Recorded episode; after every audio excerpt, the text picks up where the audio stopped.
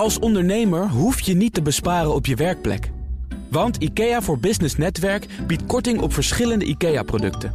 Word gratis lid en laat je werkplek voor je werken. IKEA, een wereld aan ideeën. Ondernemerspanel. De bezoeker aarzelde even na de pandemie, maar is nu weer volop cultuur aan het snuiven. En het lijkt erop dat duizenden MKB-bedrijven failliet dreigen te gaan... doordat ze hun coronasteun en belastingsschuld moeten terugbetalen. Dat en meer bespreek ik in het ondernemerspanel met Joyce Knappen van ProParents... en Hans Mulder van Via Groep. Welkom, dames en heren. Dank je. Jullie weten het, eigen nieuws. Daar beginnen we mee in dit panel. Hans. Ja. AI heeft ook jou bereikt.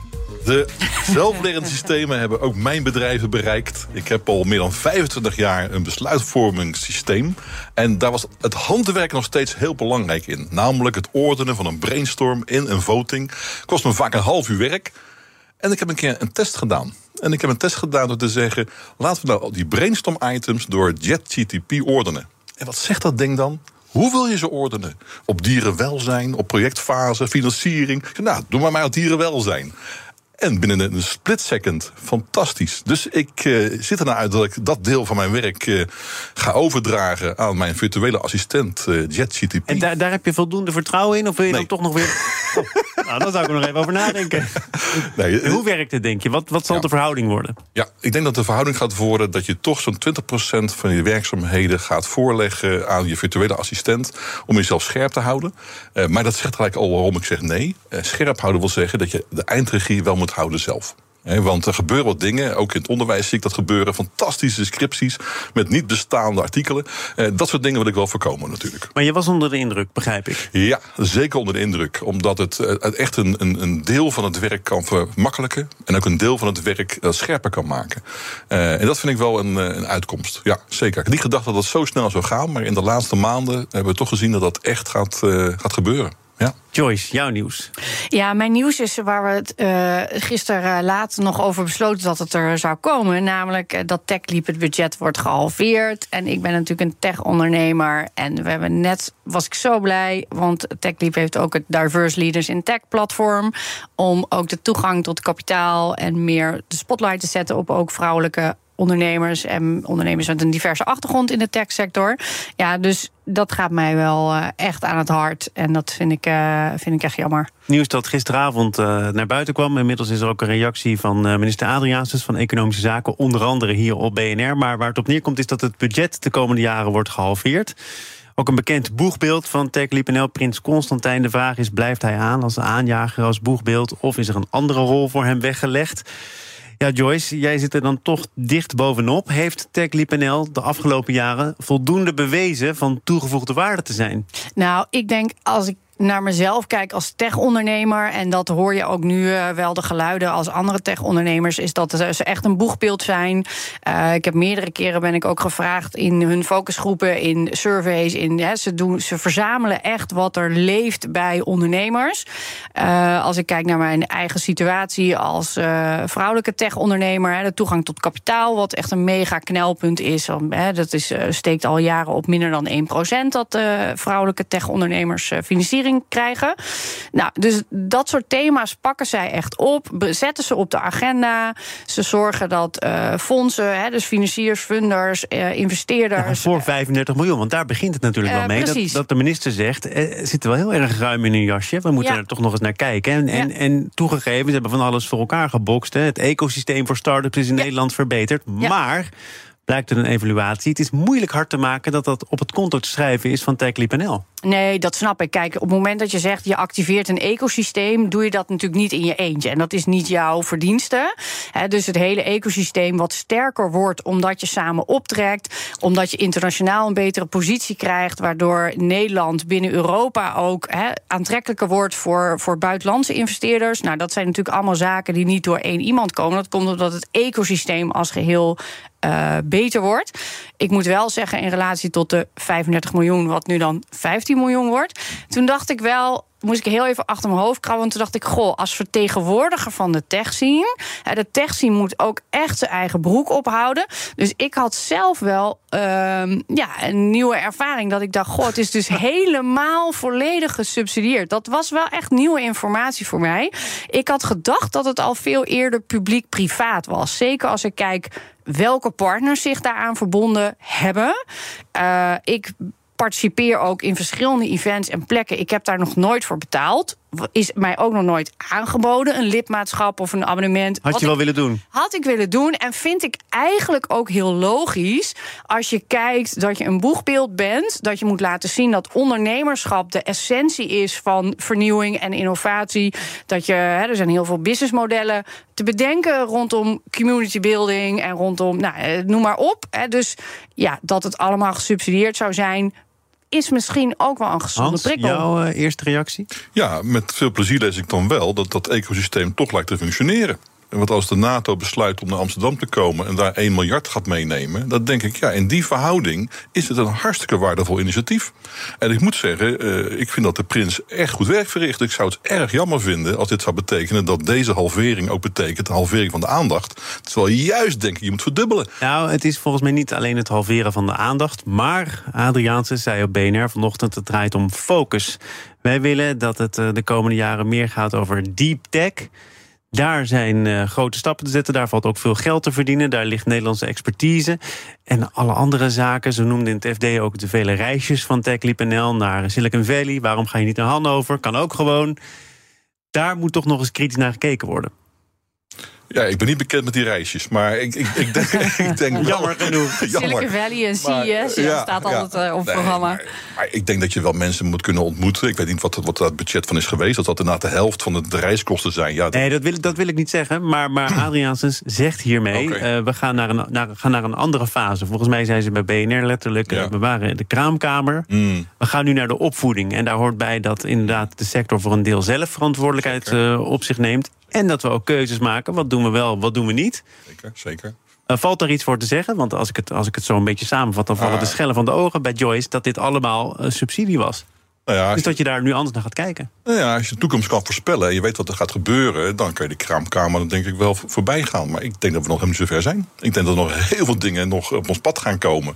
Dus om nu al focus neer te leggen en te weten hoe dat zich gaat ontwikkelen... is bijzonder knap, denk ik. Dat... Jij zou TechLeap.nl in stand houden zoals het nu is, ja. inclusief de prins.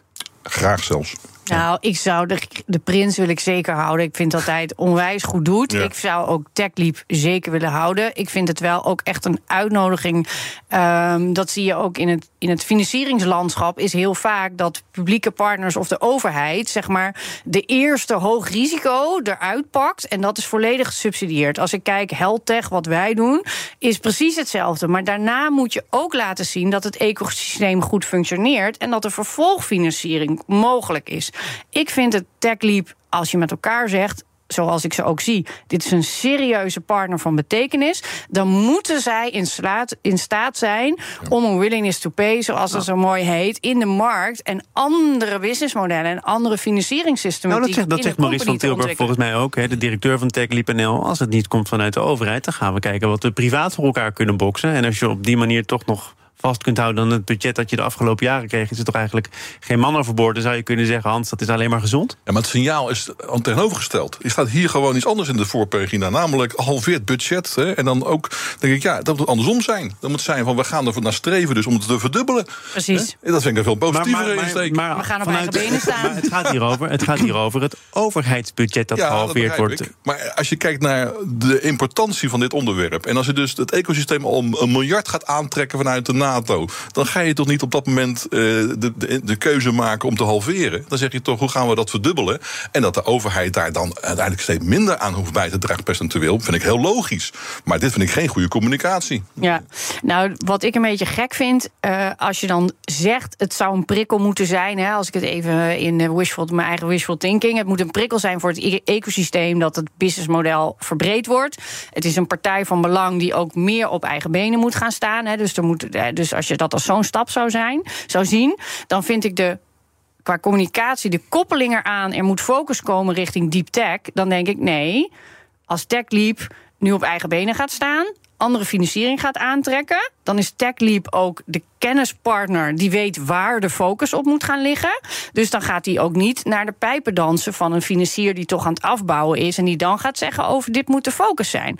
ik weet ook dat TechLeap zich veel inzet rondom health technologie en medtech. Wat ja, is niet alleen maar. Nee, maar dat, dat weet je, als je kijkt met vergrijzing en zorgkosten en wat er allemaal nog moet gebeuren. En de sectoren die te weinig en te langzaam digitaliseren. En waar juist nu eh, met uh, afkoelende marktcondities heel erg veel geld nog steeds naartoe gaat. Uh, ondanks allerlei andere partijen die het heel zwaar hebben. Denk ik, ja, dat zijn nu echt de focusgebieden. Zou je, je überhaupt geen focus aanwijzen dan? Ik vind zeker dat er focus moet komen. Alleen ik vind de prikkel dat de overheid dan uh, oormerkt het geld, want de focus moet naar deep tech. Dan denk ik nee. TechLeap is een partij die prima in staat is met heel veel voetangels en klemmen in de markt om te zeggen waar liggen de focusgebieden, wat is kansrijk, welke ondernemers, uh, welke sectoren. En die kunnen heel goed focus aanbieden. Dus natuurlijk ben ik voor focus, maar dan wel op de partij die het waar moet gaan maken. Die bepaalt. We gaan naar deel 2 van dit panel. BNR Nieuwsradio. Zaken doen. Thomas van Zeil. Het ondernemerspanel wordt gevormd door Joyce Knappen en Hans Mulder. Duizenden MKB-bedrijven lijken kopje onder te gaan... nu ze de coronasteun en de belastingsschuld moeten terugbetalen... melden verschillende brancheorganisaties afgelopen weekend al in het FD. En daarmee lijkt die lang verwachte faillissementsgolf onder het MKB... er nu dan toch echt aan te komen. Hans, wat merk jij in je omgeving? Speelt dit? Uh, niet zozeer in de omgeving waar je de corona hebt kunnen doorstaan. En dat is het vakgebied waar ik in zit. Wij konden tijd en plaats onafhankelijk blijven werken. Maar je merkt natuurlijk wel vanuit degenen die zeer geraakt zijn door de crisis... dat het natuurlijk dit speelt. En dan praat je dus over de kappers, dat soort zaken meer. Hè? Ja, dat wordt ook echt aangegeven. En dan wordt er ook nog vaak gezegd... ja, ze proberen inderdaad wel iets te doen aan hun financiële huishouding... aan de schulden die lopen en die ze moeten aflossen. Maar dan kijken ze in de eerste plaats naar hun leveranciers... naar anderen en dan pas... Ja komt de Belastingdienst. Maar dat is natuurlijk wel vaak een forse schuldeiser. Nou ja, zeker. Als we kijken naar de bedragen die er dus genoemd worden. 6,5, 16,5 miljard, waarvan de 2,5 miljard dus blijkbaar eh, ter discussie staat. Uh, maar wat ik ook zie, is dat een periode gegeven wordt van 5 tot soms met uitstel 7 jaar... om die schuld te kunnen aflossen.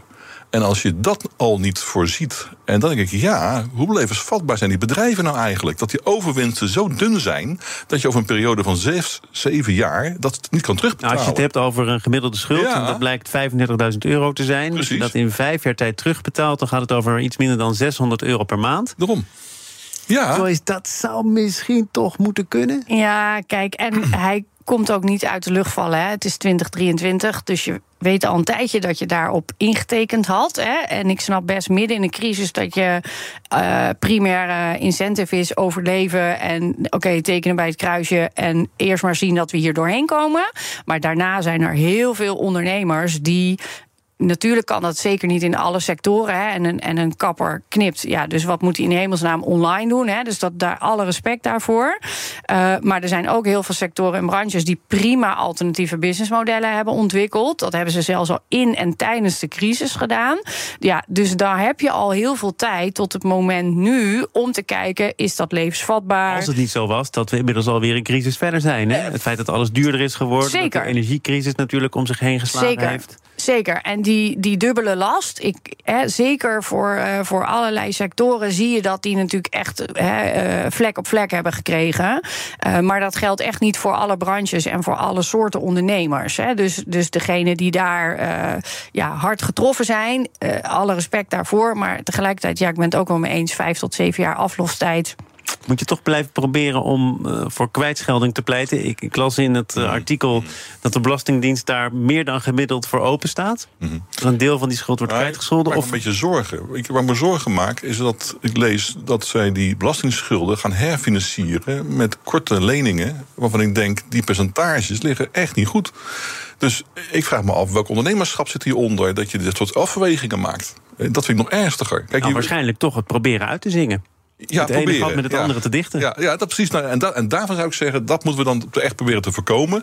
En want dan ga je mensen met een molensteen voor de komende vijf tot zeven jaar belasten. Terwijl je eigenlijk zou moeten zeggen, ja, maar dit bedrijfsmodel is gewoon sowieso niet houdbaar. Als je overwinsten zo dun zijn. En je moet zelfs die belastingsschuld gaan herfinancieren tegen hogere rentes. Ja, ik vind dat geen goed ondernemerschap. Er kwamen toch wel wat bokkensprongen voorbij. Hè? Inderdaad, uh, kijken naar al die uh, nieuwe financieringsmogelijkheden. Ja. Sommige ondernemers uh, komen bij de voedselbank uit om daar te kunnen besparen om zo toch te kunnen voldoen aan het aflossen van die schuld. Uh, brancheorganisaties die hun leden doorverwijzen naar schuldhulproutes, naar uh, psychische begeleiding. Ja.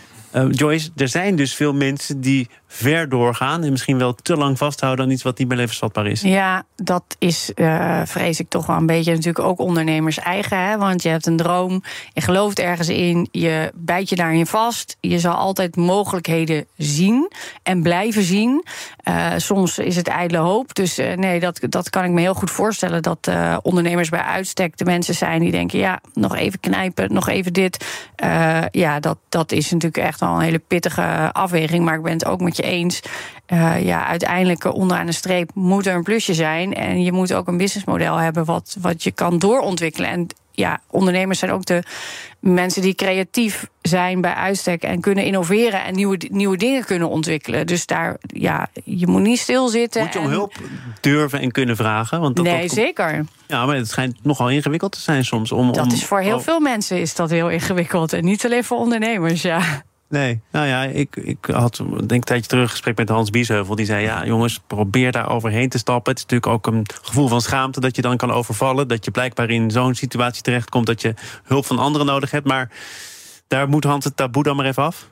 Nee, maar ik denk dat Hans van Biesheuvel daar gelijk in heeft. Hij praat ook over de term dat die overwinsten zo dun zijn... dat je daarover na moet denken in de termijn van... Ja hoe gaan we door of gaan we niet door? En die overweging die zou ik wel graag wat uh, objectiever zien. Ik kan me ook voorstellen dat we misschien toch wel wat onderscheid moeten maken tussen sectoren. Ja. Een sector die echt gewoon, net, dat is net al genoemd, die gewoon niet anders kon dan uh, de zaken sluiten. En wel doorbetalen van de huren, wel doorbetalen van de mensen. Dat verdient eigenlijk ook wel een bepaald respect. Hè? Gaan we door, gaan we niet door? Dat is ook een vraag Juist. die zal spelen bij veel flitsbezorgers. Getir, Flink, Gorilla's. Uh, er is nu een verbod in Amsterdam om zich te vestigen in woongebieden. Het uh, gevolg van een woensdag aangenomen bestemmingsplan.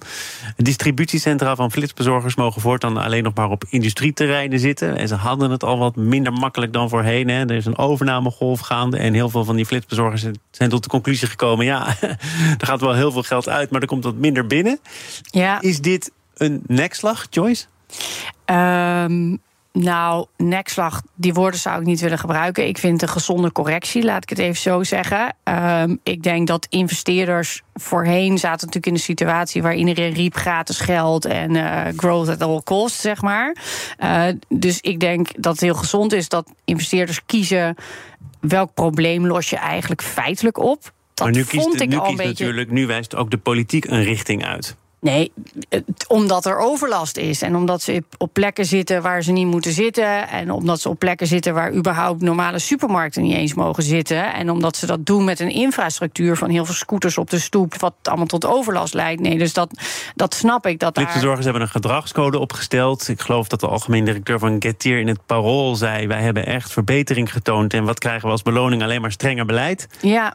Is dat ook een deel van het verhaal? Um, nou ja, ik denk dat dat het allergrootste deel is dat ze gewoon niet meer zo vet en veel worden gefund als dat het voorheen was. Hè. Dus ze moeten veel kritischer zijn in uh, en dus een, een bedrijf bouwen wat rekening houdt met een breed stakeholderbeleid. Namelijk uh, voor wie zijn wij er, op welke plekken zitten wij, wat is een, de impact die wij hebben op de samenleving en op de gebouwen en de, uh, de omgeving waar wij zitten. Ja. Dus ja, ik vind al met al eigenlijk wel een gezonde ontwikkeling. Flits, flitsbezorging verhoudt zich slecht met aan de randen van de stad uh, ja, gemanifesteerd precies. moeten zijn. Ja, dat was mijn vraag ook een beetje. Toen ik het las, dacht ik, ja, stel dat ik nou de Dam zou nemen en een actieradius. Wat is nou het eerste industrieterrein wat ik zie vanaf de Dam? ik, nou, dan kan je niet zo flitsen meer zijn. Uh, je moet elke keer weer terug om je spulletjes te halen en dan weer te brengen. Dus ja, misschien is het dan toch wel een, een hele belangrijke ontwikkeling. En ik ben ook heel benieuwd of andere gemeenten dit aandurven. Ben ik heel benieuwd. We zeggen, nou, dat gaan we ook doen. Of wachten we even de resultaten af in Amsterdam. Ja. Ben benieuwd. Uh, nou is het wel zo dat hier ook uh, volgens de tegenstanders van dit verbod een ideologisch spelletje wordt gespeeld. En tegen de NOS zei de lector stadslogistiek Walter Ploos van Amstel vorig jaar al: gemeenten moeten opletten dat het geen ideologische discussie wordt. En zeggen: jij mag als luie consument geen flitsbezorger bellen. Ja. Zou dat ook een rol kunnen spelen? Ja, ik denk dat je goed aangeeft. Het moet geen ideologische discussie zijn. Het moet een logische discussie zijn. En de logica is natuurlijk wel dat je uh, feitelijk geen supermarkt in dat gebied hebt, bij wijze van spreken. En dan wel een flitsbezorger zou hebben. Ja, dat had ook niet leiden tot een hele goede uh, afstemming. Dus de logica is denk ik in andere. Het is de vraag: wat hebben we met elkaar afgesproken? En was het überhaupt wel de bedoeling? En ik denk dat daar de vraag over zou moeten gaan. Niet de ideologische vraag nee. of mensen niet of snel willen bestellen. Maar je kunt die discussie natuurlijk wel onderstrepen door te wijzen op het aantal klachten. Hè. Joyce gaf al aan, misschien is het een gezonde correctie. Ik geloof dat uh, de wethouder uh, 2000 klachten onder zijn arm meenam richting die stemming. Ja. Ja, is het pleit dan beslecht? Nee. Nee, ik denk het niet. Nee, ik denk dat dat dus, daarom zeg ik ook, ik ben heel voorzichtig om te zeggen dat dit een uitspraak is die ook door andere gemeenten gevolgd wordt. Ik ben heel benieuwd hoe die dat gaan oppakken. Hoeveel van die flitsbezorgers blijven er nog over? Hè? Want we hebben Gorilla's al uh, gehad dat overgenomen werd. En die stond flink op de nominatie om ook te worden overgenomen door een Getir. Uh, ja, omdat het zo'n kostenverslindende operatie is, blijft er dan Joyce uiteindelijk. We begonnen deze uitzending met geld, we eindigen er ook maar mee. Blijft er dan één speler over die zich dat kan veroorloven? Ja, kijk, uiteindelijk gaan de marktcondities dat natuurlijk bepalen. Hè? Dus de klant en de eindgebruiker gaat zeggen of we dit werkelijk van waarde vinden, of we dit de moeite waard vinden. Uh, en dat, dat is uiteindelijk uh, de, de consument kiest. In Wat deze. was jouw laatste bestelling? Ik heb nog nooit wat besteld daar. En ik ben zeker niet de doelgroep. Uh, ja, en al ben ik, heb ik natuurlijk een ondernemershart. Dus ik vind het heel vervelend voor die ondernemers dat zij op dit pad zijn gekozen. Maar ja, ik vind dat we het echt met elkaar in de samenleving moeten hebben over welke problemen moeten er daadwerkelijk worden opgelost. En is dit nu een behoefte die echt aansluit bij een uh, enorme leegte en een met niet in de samenleving? Ja, daar ben ik wel wat kritisch Hans, op. Pak je boter, een keertje vergeten ergens in de supermarkt, dacht: hé, hey, ik heb het toch nodig? Ja. Brownies bakken? Ja, helaas geen boter dan. Oh, oké. Okay. Nou, ik heb wel eens op het terras gezeten en toen kwam er een scooter aan. En toen had iemand gewoon, terwijl hij op het terras in de zon zat, een pakje sigaretten ah, laten bezorgen. Terwijl bij wijze van spreken binnen de automaat of daarnaast. En dan, dan denk ik echt: are you serious? Joyce Knappen van ProParents. Hans Mulder van Viergroep, dank voor jullie aanwezigheid in dit panel. Overigens een panel dat ook te beluisteren is als podcast. Abonneer je dus vooral even via je favoriete kanaal of de BNR-app. Zometeen tijd voor de pitches. Blijf luisteren. Een kleine update maakt een wereld van verschil. Daarom biedt IKEA voor Business Netwerk gratis snelle interieurtips en ideeën. Word gratis lid en laat je werkplek voor je werken. IKEA, een wereld aan ideeën.